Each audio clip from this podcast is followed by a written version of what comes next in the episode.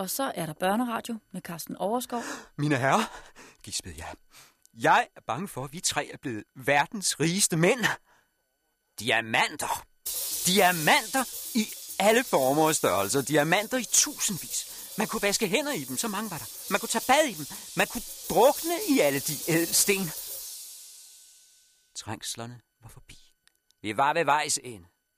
Om side stod vi i det allerinderste. Vi var trængt så dybt ned og så langt ind man kunne komme, og nu befandt vi os i selveste skatkammeret. Et beskedent rum i sig selv.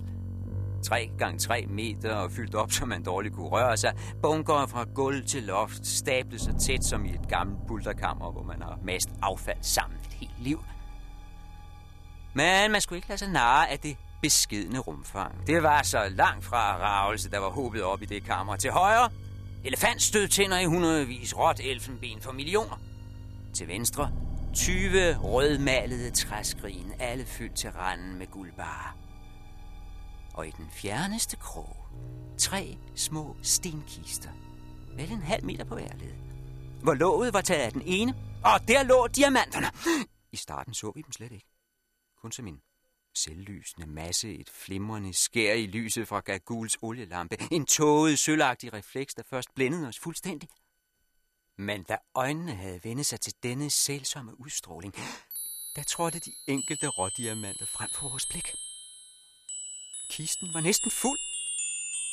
Der må have været mange hundrede. Jeg tvivler på, at nogen nulevende person har set så mange ædelsten samlet på et sted. Og det var kun den ene af tre kister. Jeg bukkede mig hastigt, tog nogle stykker op, for jeg kunne næsten ikke tro mine egne øjne, men det var ægte, uslæbende ædelsten. Man kunne mærke det med det samme. Man fik straks den særlige fedtede, lidt sæbeagtige fornemmelse i fingerspidserne, som jeg kendte fra tidligere i Sydafrikas diamantgrupper. Der var ingen tvivl. Vi var fremme. Målet var nået. Om sider kunne vi strække hånden ud og sikre os skatten fra kong Salomons miner.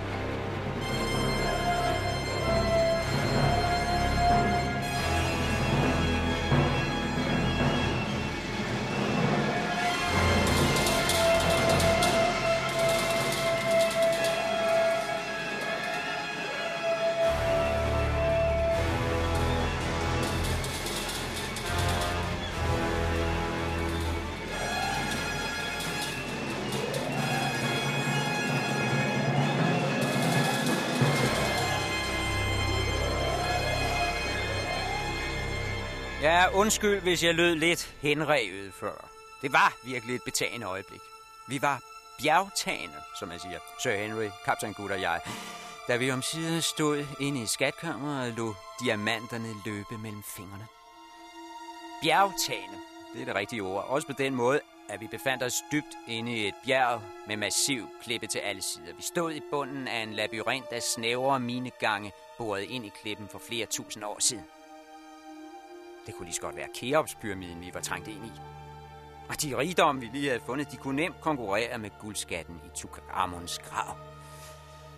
Hvad ville I selv have følt i den situation? Tænk på alt det, vi havde været igennem. Junglen, ørkenen, bjergene, krigen i Kukuanaland, hekse, menneskeoffre, halshuggede lig, og nu sidst en nervepirrende nedstigning af dunkle gange og trapper forbi det fem meter høje skelet, før vi omsider nåede frem. Frem til selve hjertet i kong Salomons miner.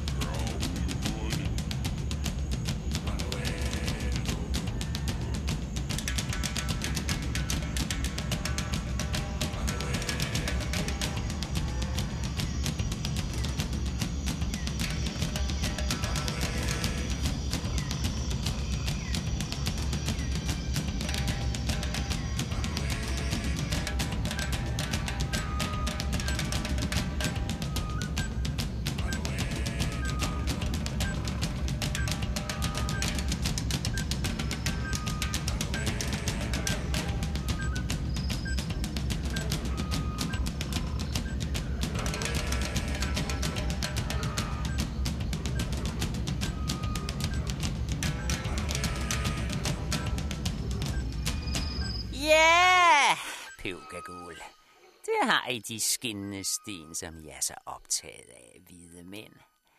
Tag så mange I lyster. Tag dem op i hænderne og nyd dem. Og prøv at æde dem. Prøv at drikke dem, siden I elsker dem så højt. Ja, jeg bræst i latter. Jeg grinede højt af den gamle troldkvind. Forestillede hun sig virkelig, at vi ville spise diamanterne? Eller hælde dem i os som vin? Altså, det var grundkomisk. Jeg, jeg lå af hjertens lyst. Og min lystighed smittede åbenbart, for snart stod også Sir Henry og kaptajn Good og grinede. Selvom de ikke vidste af hvad, for de forstår jo ikke Zulu-sprog. Men vi stod alle tre og lå overgivent, for der var en fælles fryd i vores hjerter. Alle disse skatte var vores nu. Elfenben, guld og diamanter, umådelige rigdomme, efterladt og glemt for årtusinder siden. De havde kun ligget og ventet på os. Oldtidens slavearbejdere havde slidt. Der var blevet hak. Der var blevet gravet. Der var blevet hugget i årtier. Møjsommeligt, en for en, var de ædelsten blevet vasket frem og lagt til side til kong Salomon i dette dybe klippekammer. Kun for at vi skulle komme forbi 3.000 år senere og snuppe det hele. Nu var det os, der skulle føre disse millionværdier ud i verden.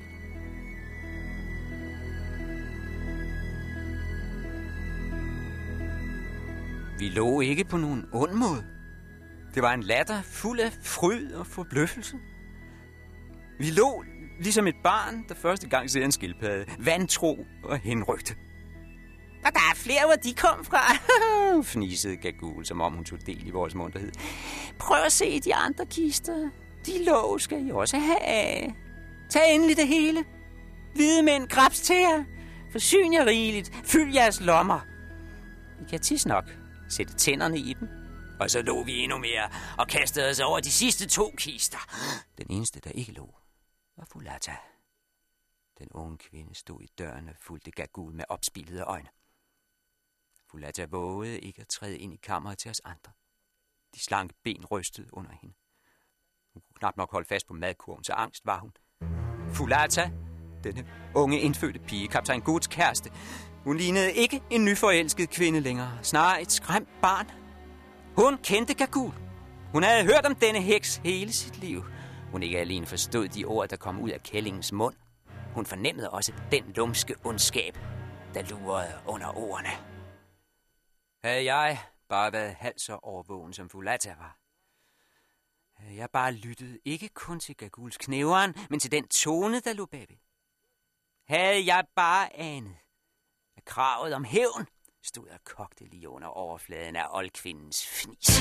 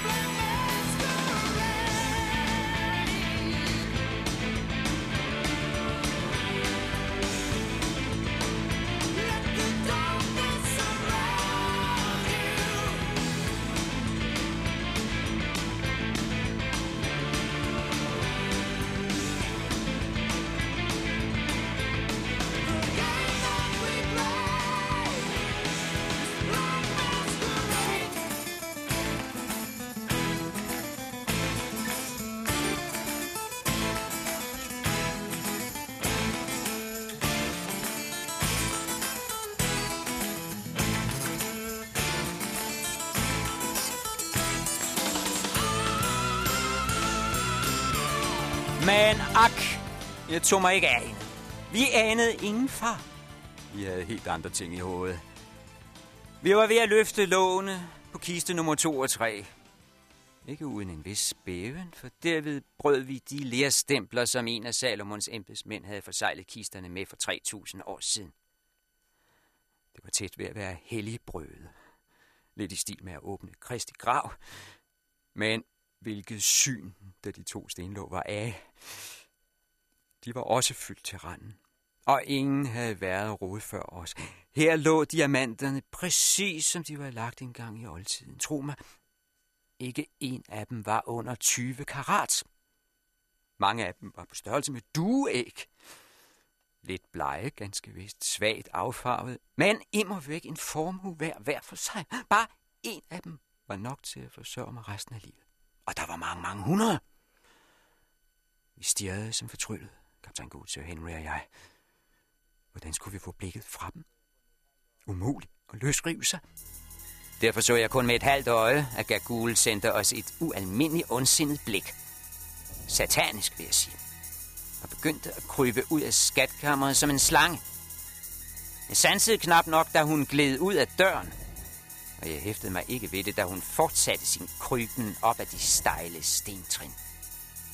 I det øjeblik, så bristefærdigt af fryd og begejstring, der havde vi glemt alt om den tons tunge faldlem.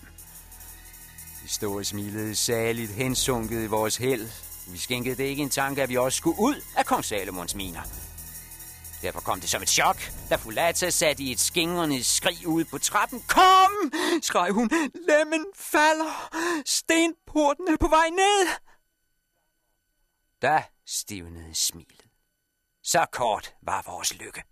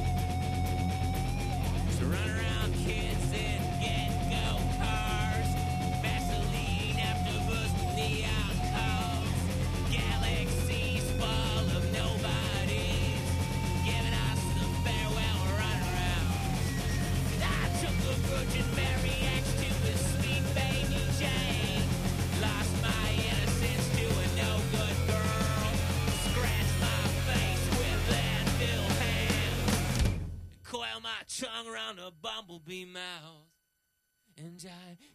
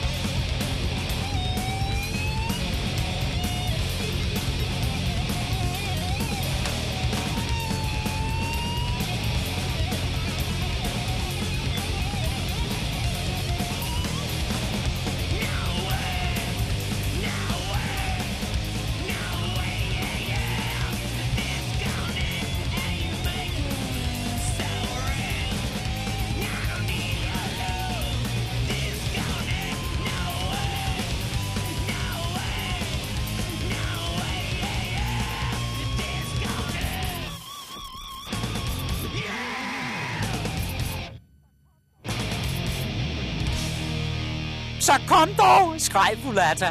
Hun slår mig ihjel. Faldlemmene på vej ned. Og vi styrter ud af kammeret og op ad trappen. Og når at se det, men ikke forhindre det.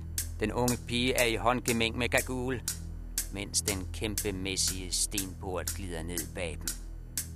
Allerede nu er den kun 90 cm fra gulvet. Fulata er revet til blods. Der flyder røde strømme ned af hendes kinder, arme og lår, men alligevel holder hun ved. Hun hager sig til den gamle heks, der kæmper som en gal for at vriste sig løs. Gagul vil udføre det for sent, og nu er der kun en halv meter luft under stenlemmen. Hun river, flår for at komme fri. Men Fulata har unge, stærke hænder, og hun holder stadig fast. Da lyner en dolk i luften, og Gagul får den boret dybt i pigens bryst. Først nu slipper Fulata. Hendes kræfter er udtømt. Hun sejner om, mens Gagul lægger sig fladt ned og begynder at mave sig frem ind under den synkende stenblok. Nu er den en fod over gulvet, cirka 30 cm. Ingen af os andre kunne komme igennem. Kun en gammel indskrumpet kælling som hende har en chance. Men klippeblokken sænker sig stadig. Hun befinder sig lige under døren nu. En stendør på halvanden meters tykkelse. Hun skal hele vejen igennem, og der er kun sekunder tilbage. Hun hiver sig frem. Hendes negle krasser som besat i gulvfliserne. Hun vrikker sig, snor sig, hun støder frem med fødderne, så tæerne sprøjter af blod, og frem kommer hun, tomme for tomme, men stenblokken synker.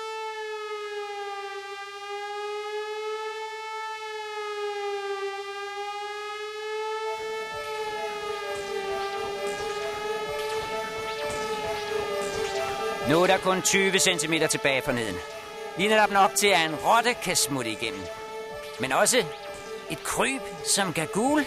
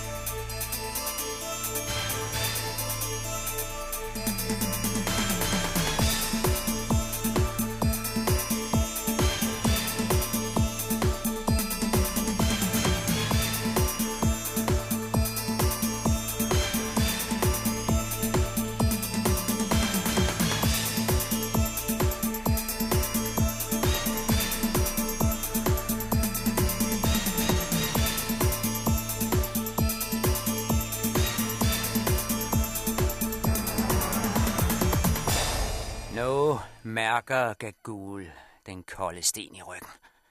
Hun vrikker sig fremad vildere end nogensinde, men hun når ikke igennem. Nu ved hun det. Hun er fanget. Hun er håbløst klemt fast under den massive faldlem. Jeg kan ikke dø!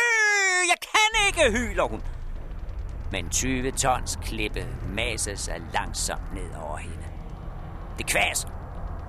Gaguls elgamle knogler knækker som tændstikker, men hun kan stadig skrige. Hun er stadig levende nok til at føle pinen millimeter for millimeter efterhånden, som hun bliver klemt flad under vægten af 20 tons stenmasse.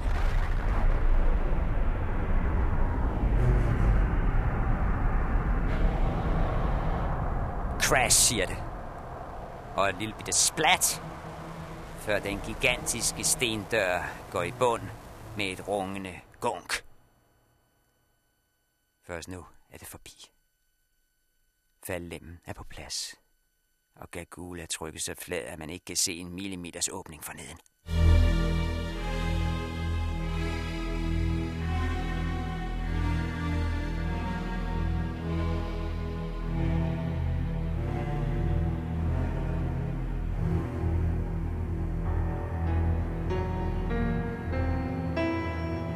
Alt det her var sket inden for 10 sekunder.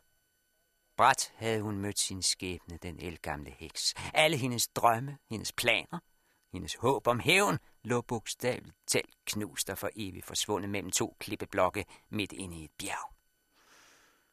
Men Gagul var ikke den eneste, det var slut for. Fulata var døden nær.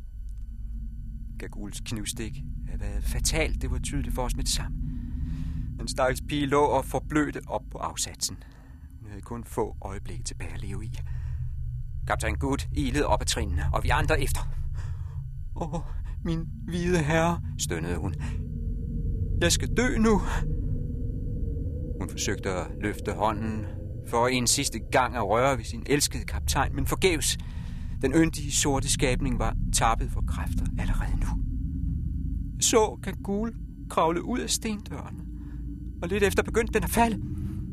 Stak hun hovedet ind igen for at se, om jeg havde opdaget det, og så greb jeg fat i hende og hævde hende ind til os andre, så hun ikke skulle forsvinde med faldlemmens hemmelighed. Ah, men nu er hun død, og jeg er også døden nær.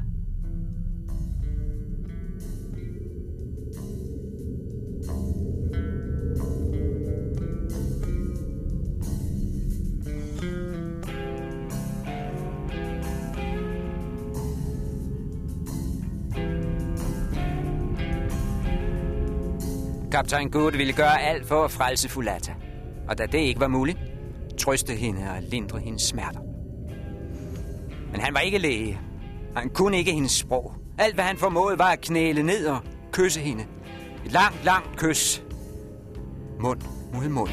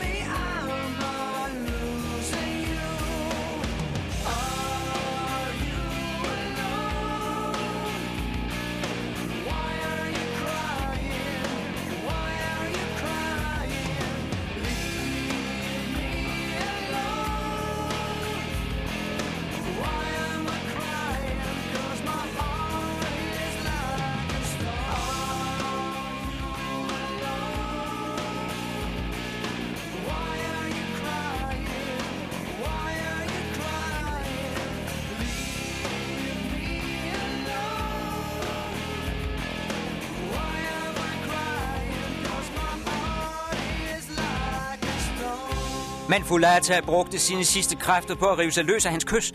Fortæl ham, sagde hun henvendt til mig. Sig, min kaptajn, for han forstår ikke min tunge, og jeg ikke hans. Sig ham, at jeg elsker ham. Men at jeg er glad for at dø nu, for jeg ved udmærket, at en hvid mand ikke kan spille sit liv på en sort kvinde som mig, lige så lidt som solen kan skinne om natten. Vi to var aldrig blevet forenet alligevel, derfor er det bedre at dø. Fulata måtte spytte blod for hver sætning.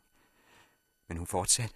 Sig ham, sagde hun, stadigvæk henvendt til mig, fordi jeg var den eneste tolk, hun havde for sine ord. Men hun slap ikke kaptajn Gud med øjnene, og han må have mærket den glød, der var i hendes stemme til det sidste. Sig til min hvide herre, at jeg er til at have følt det, som om der boede en fugl i mit bryst. En fugl, der en skøn dag ville flyve ud i friheden, og langt, langt væk, synge en ny fri sang. Selv nu, da jeg ikke længere kan løfte hånden, og hovedet bliver koldt, da, der føler jeg, at mit hjerte vil leve videre. Det er så fuldt af kærlighed, at det vil banke i tusind år, og dog forblive evigt ungt. Sig ham, at jeg vil vente på ham i himlen. Jeg vil lede efter ham på alle stjerner. Bed ham om, at han ikke afviser mig, selvom jeg også til den tid er mørk i huden, og han er hvid. Nej, nej, bed ham ikke om noget, det er for sent. Sig ham blot, at jeg altid vil elske ham. Sig ham, at han skal holde faster om mig. For jeg kan, jeg kan, jeg kan ikke længere mærke hans arme.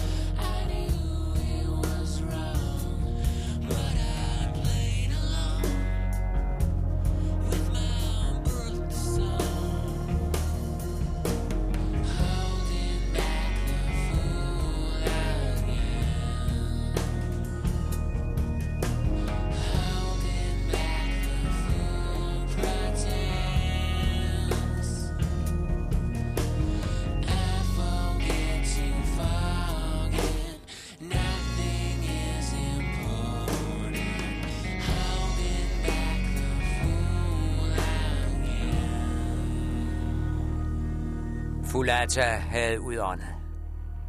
John Good rejste sig, kom vaklende op og stå. Tårerne løb ham ned ad kinderne. Hun er død.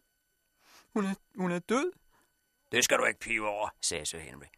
Ikke pive over? Hvad fanden bilder du dig ind? Hvad mener du med det? Jeg mener bare, at du også snart skal gå bort.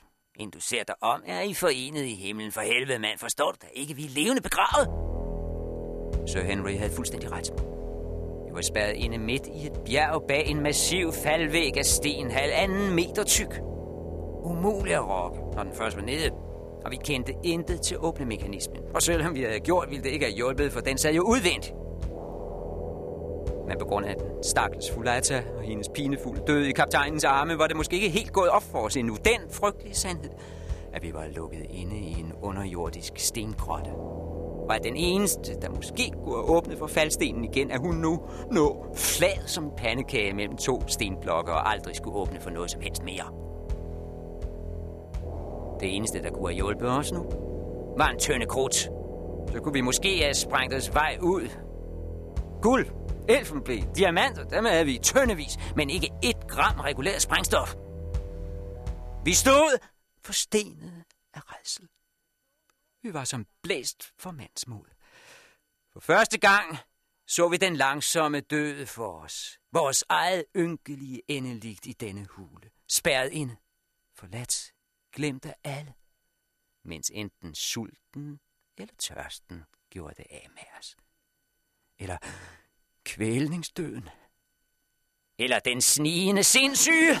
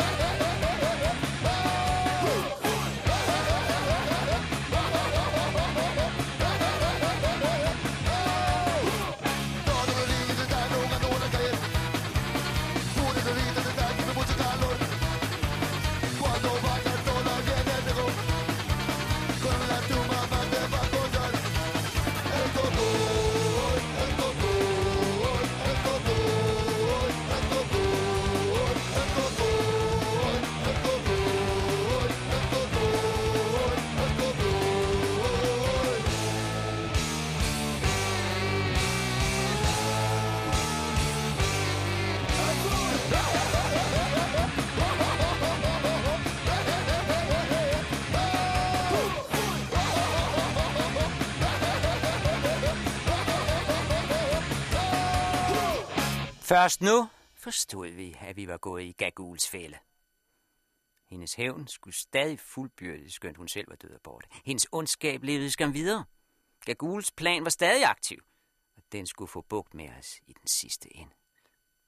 Og vi var gået lige lugt i fælden. Det var det mest utrolige. Tre rimelig fornuftige voksne mænd, som Sir Henry, Kaptajn Gud og jeg. Vi var fuldt efter den gamle heks som en flok ællinger, der følger efter Annemor, og vandrede direkte ind i ødelæggelsen at vi dog ikke havde gennemskuet Gagul. Planen havde jo været klar som vand. Hun havde hadet os fra starten, os tre hvide mænd. Hun havde tænkt som gal over, hvordan hun skulle ramme os. Og til sidst har hun fået ideen. Hvilken straf ville være værre end først at føre os ind til de ufattelige rigdomme i kong Salomons skatkammer, så vi rigtig kunne nyde synet og tro, vi var kommet i den syvende himmel. Og derpå lukke lugen bag os og spærre os inde i det selv samme kammer, hvor vi så kunne få lov at dø langsomt og pin til det sidste af synet af alle disse ædelsten, som nu var fuldstændig nyttesløse. Åh, virkelig en raffineret hævn. Nu gik det pludselig op for mig, hvad Gagul havde ment, dengang hun sagde, hvorfor ikke prøve at æde dem, de kære diamanter, eller drikke dem? Hvorfor ikke hvide mænd, når I nu elsker disse skinnende sten så højt?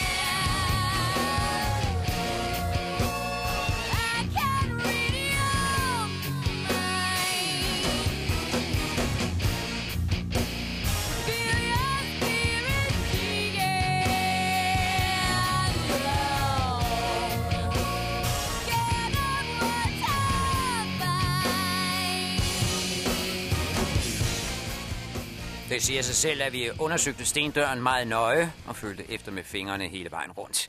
Men der var ikke så meget som en sprække. Det sluttede lige så tæt som døren på et pengeskab. Og vi havde altså det uheld at befinde os inde i pengeskabet. Der var ikke noget at gøre, så vi vendte tilbage til skatkammeret. Ikke fordi rigdommen havde nogen værdi for os længere. Guldet glødede, og elfenbenet lyste hvidt, men forgæves uden at fryde nogen. Diamanterne, de strålede til ingen verdens nytte. Men en lille skat havde vi, og det var Fulatas madkurv. Lidt brød og lidt tørret kød, tænkt som et mellemmåltid på en lille udflugt. Det var nu alt, hvad vi havde tilbage til resten af vores liv. Hvis vi holdt igen, kun spiste med lange mellemrum, så var der vel mad til os et par dage. Så ville den langsomme svækkelse sætte ind. Efter en uge ville sulten drive os til vanvid og efter 14 dage ville den sidste af os dø. Hvad vand angår, så havde vi vores feltflasker cirka en halv liter hver.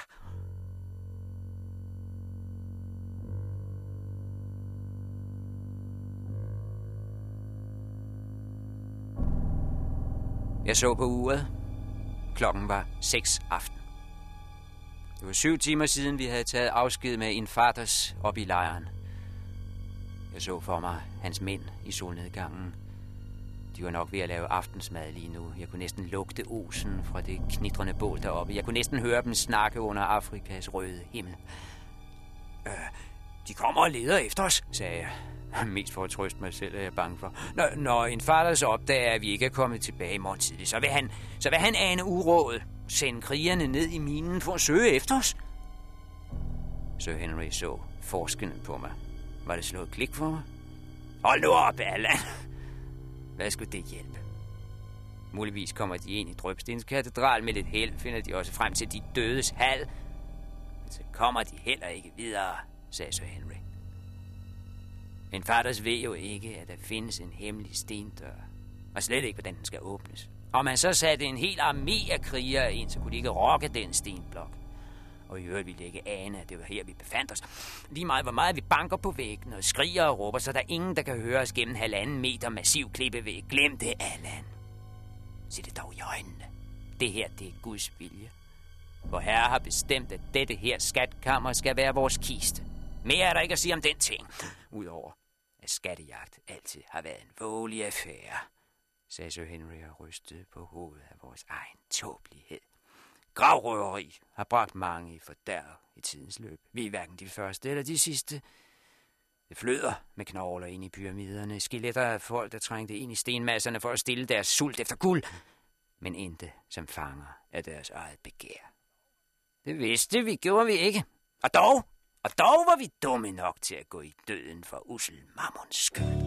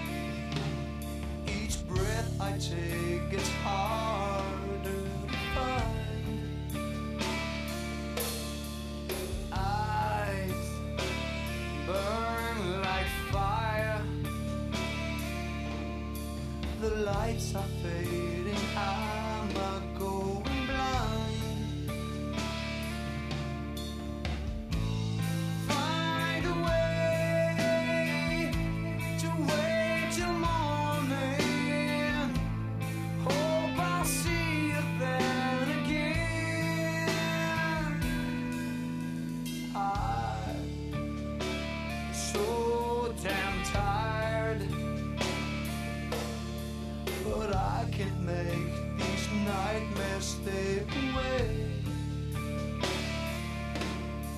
I'd be a liar If I said I don't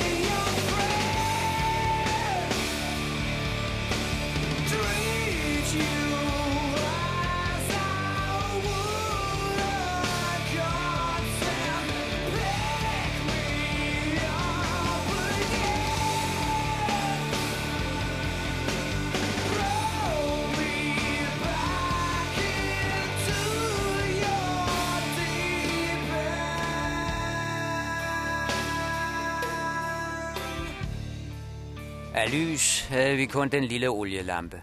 Og den blafrød på sit yderste. Der var kun en enkelt dråbe flodheste fedt tilbage i bunden. Vægen ville snart tørre ud. Der lød en lille væsen, og den flammede op en sidste gang. Det svage blå lys voksede til et hvidt skær, og et kort øjeblik så vi hele kammeret gralt og skarpt. Elefanttænderne skrinende med guld, Fulatas lig, som vi nænsomt havde båret ned ad trappen, og endnu en gang så vi diamanterne glimte. Men denne gang så vi også vores egne ansigter. Blege og udslugte. Tre opbrugte, færdige mænd, omgivet af alverdens rigdom. Så døde flammen, og lyset forsvandt for altid. Jeg kan umuligt beskrive vores rejsel den nat. Vores angstanfald og mareridt. For vi fik også sovet lidt, hvor utroligt det lyder. Men ikke mange minutter, så får man op, grebet af panik, fægtet vilddoms. Hvor er jeg? Hvorfor dette totale mørke? Giv, giv, giv mig dog lys, giv mig bare et svagt skær af et eller andet. Men mørket var uden noget. Mørket og stillheden. Alle har vel prøvet at vågne midt om natten og mærke stillheden. Stilheden kan føles som et fængsel. Er verden gået under? Er jeg død eller levende? Det kan være en helt lettelse at høre en hund gø i det fjerne. Men stilheden midt inde i et bjerg, det er den rene tortur. Først når du har oplevet det, ved du, hvad total stillhed vil sige. Den lægger sig om halsen på en som et reb, der strammer til og strammer til. Man ligger som i krampe og lytter. Men der er ingenting. Absolut ingenting. Og til sidst må man tvinge sig til at krasse i noget, eller klappe i hænderne for at sikre sig, at verden overhovedet er til. Om så samtlige klodens artillerienheder stillede deres kanoner op ude foran bjerget og fyrede dem af på én gang, så ville vi ikke høre en lyd herinde. Vi var afskåret fra verden. Vi lå allerede i graven. Vi var så godt som døde.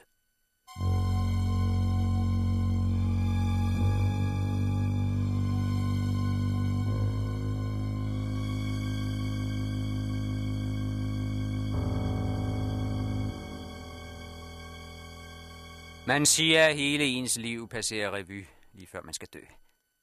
Det er ikke sandt. Er der noget, man ikke ønsker at tænke på, når dommen er afsagt, så er det ens egen tilværelse. Og det gælder både de smukke ting, man har oplevet, og de mindre smukke. Man skyder dem fra sig, man ønsker ikke at huske. De gode oplevelser, man har haft i livet, dem er det en pine af genkaldelse, for de minder en om alt det, man nu skal gå glip af. De onde ting, de er ikke værd at huske. Hvorfor bruge sine sidste timer på at ærge sig? Og hvis man endelig gør, altså erindrer alle de fejl, man har begået i tidens løb, ja, så peger de jo bare frem mod den død, man skal lide om lidt. Hvorfor tog man ikke ved lære? Hvorfor bliver man ved med at dumme sig lige til det koster en livet? Hvorfor var jeg overhovedet draget midt ind i Afrika sammen med Sir Henry og kaptajn Good? Jeg vidste jo, hvor risikabelt det var.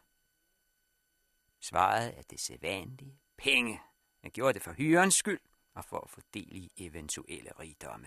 Hvorfor slæbte jeg mig igennem Sulimans ørken? Hvorfor besteg jeg dronningen Sabas bryster? Hvorfor lod jeg mig vikle ind i kukuanernes stridigheder? Hvad kom det mig ved, om kongen i tilfældig nikkerland hed Ignosi eller Tvala? Og sidst, men ikke mindst, hvorfor i hede hulehelvede lod jeg mig lokke ned i denne klippelabyrint?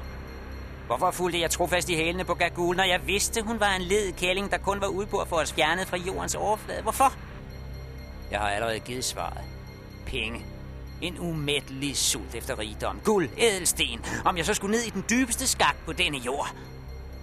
Nu var mine hedeste drømme blevet til virkelighed. Det var bare at strække hånden ud. Man kan roligt sige, at jeg var kommet til bunds i kong Salomons miner.